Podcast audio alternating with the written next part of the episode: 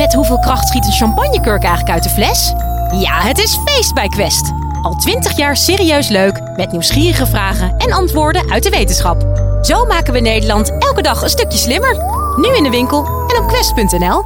Voor ons ligt een heerlijk stukje vlees. Goed gekruid en de geuren komen je tegemoet. Maar het is geen vlees. Smaakt goed hoor.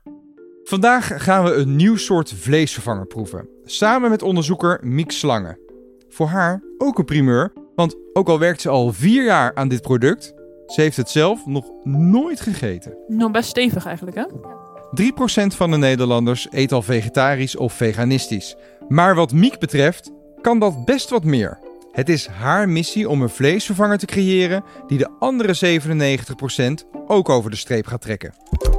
Eet iedereen vegetarisch door deze vleesvervanger? Ik denk zeker dat dit de toekomst is. Het zou me niet verbazen als er over tien jaar een uh, veel groter deel dan die 3% van Nederland uh, vegetarisch of veganistisch eet. De beste manier om consumenten minder vlees te laten eten, is om ze een vleesvanger te geven die qua textuur heel erg lijkt op het echte stukje vlees wat je gewend bent om op je bord te hebben.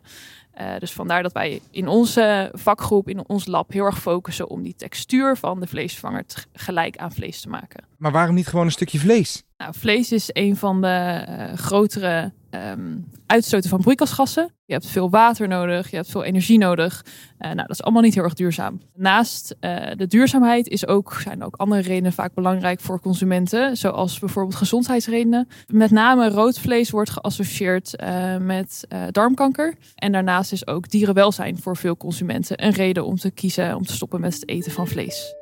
Voor Miek is een betere vleesvervanger dan ook dé oplossing. Niet alleen vanwege de textuur, Miek wil de vleesvervanger 2.0 vooral ook veel duurzamer maken. Want al is een vleesvervanger die nu in de winkel ligt al beter dan een echte steak, het kan echt nog veel beter. Met name het winnen van gezonde eiwitten uit bonen, de basis voor een stukje nepvlees, kost nu nog veel energie en water. Miek legt uit hoe dat komt. Die boon of die ers die bestaat uit meer dan alleen eiwit. En wij zijn geïnteresseerd in specifiek het eiwit, dus moeten we de rest eruit filteren. Dat doen we door um, ons materiaal met het water wat we hebben, uh, daar gaan we de zuurgraad van veranderen. Dus eerst gaan we de zuurgraad omhoog brengen. Vervolgens gaan we de zuurgraad omlaag brengen. En op die manier veranderen we de oplosbaarheid van uh, ja, eigenlijk de componenten in die bonen en die erten. Het eiwit blijft in het water en kan zo gescheiden worden van de rest er zit heel veel water in en dat water moet er eigenlijk uit. We willen graag een droog product hebben, een droog ingrediënt. Uh, dus kunnen we ons uh, materiaal drogen met een techniek dat heet sproeidrogen. Uh, nou, die techniek die kost vrij veel energie. Um, dus daar is echt nog wel een stukje duurzaamheid te bewinnen door die techniek eventueel weg te laten. Uh, daarvoor gebruiken we een nieuwe techniek die droogfractioneren heet. En die bestaat eigenlijk uit twee stappen. Uh, de eerste stap is het malen en de tweede stap is het windziften. Uh, dus in die eerste stap, het malen, wat we daar doen is we pakken onze boon en die gaan we eigenlijk malen tot hele kleine stukjes. Um, zodat de losse componenten die in die boon aanwezig zijn, dat is bijvoorbeeld eiwit, dat is vezel en dat is zetmeel, zodat die stukjes allemaal los van elkaar vallen.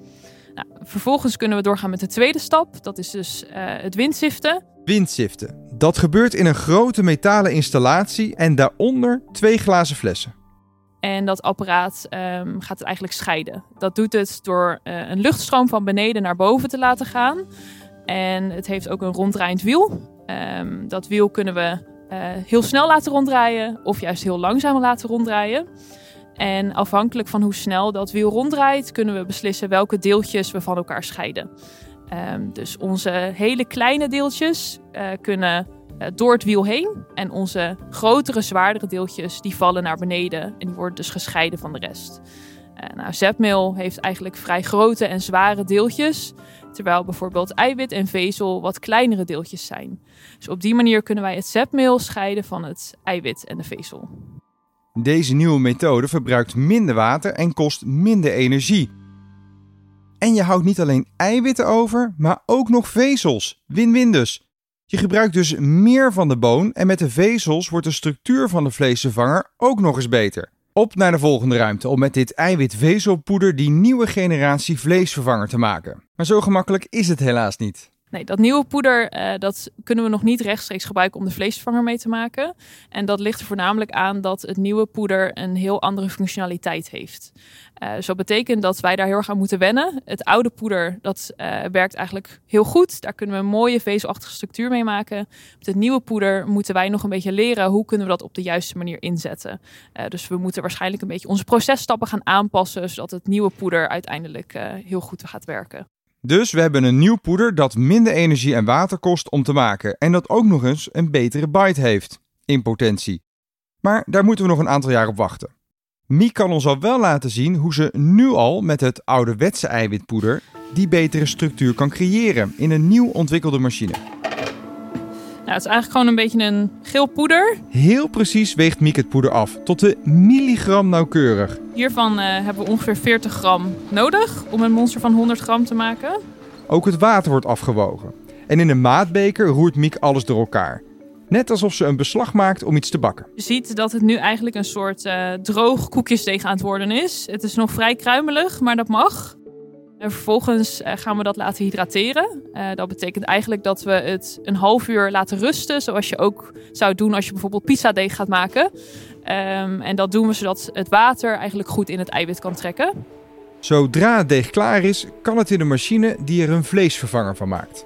Oké, okay, dus het apparaat is nu eigenlijk verwarmd tot 140 graden. Dus we kunnen het apparaat openmaken en ons deeg ertussen gaan doen. Uh, dus we gaan nu het apparaat openen. Nou, in het apparaat, um, wat we ook wel de shearsal noemen, uh, hebben we eigenlijk twee kegels. Uh, die kegels die passen uh, perfect in elkaar. En we kunnen ons materiaal, ons deeg, eigenlijk tussen die twee kegels zetten. De onderste koon gaat nu ronddraaien, terwijl de bovenste koon vast blijft staan. Op die manier creëren we een soort vervorming in het apparaat, wat uiteindelijk gaat zorgen voor die vezelachtige structuur. Na een kwartiertje draaien en vijf minuten afkoelen mag het monster uit het apparaat. We hebben nu ons eigen stukje vleesvervanger. Al lijkt het daar nog niet echt op. Het ziet er meer uit als een bruinige rubberen onderzetter. Uh, hij is nu nog heel erg warm. Uh, dus we gaan hem ook gelijk in het zakje doen om te zorgen dat er niet te veel uh, water verloren gaat. Gelukkig heeft Miek voor haar onderzoek al zo'n 500 lapjes gemaakt. En daar laat ze ons nu een stukje van zien. Dus we hebben het stukje monster en als we dat dan gaan openvouwen, uh, dan worden vanzelf de vezels zichtbaar. Het stukje vleesvervanger rafelt uit elkaar. Een beetje als, ja, als vlees. Alleen dan met een bruin-grijze kleur.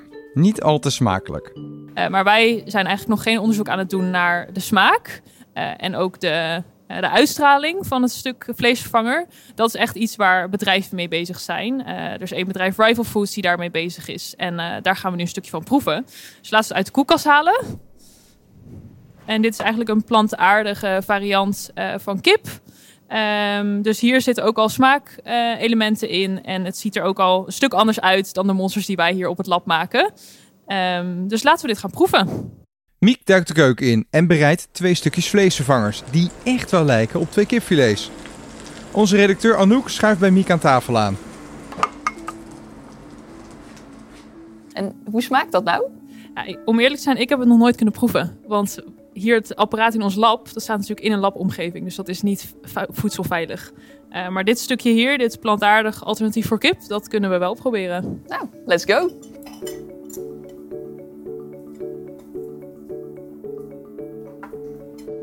Heeft een, uh, meer een kiptextuur. Je moet er wel echt op kauwen in vergelijking met andere vleesvervangers. Ja.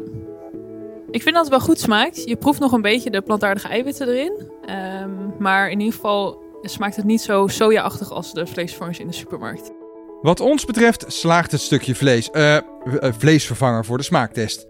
Wanneer jij deze vleesvervanger kan proeven, kan Miek helaas nog niet zeggen, maar hopelijk ergens in de komende jaren. Wij houden het in ieder geval in de gaten voor je. En wil je op de hoogte blijven van alle wetenschappelijke onderzoeken? Ja, echt allemaal? Abonneer je dan op YouTube of in je favoriete podcast app. Tot de volgende!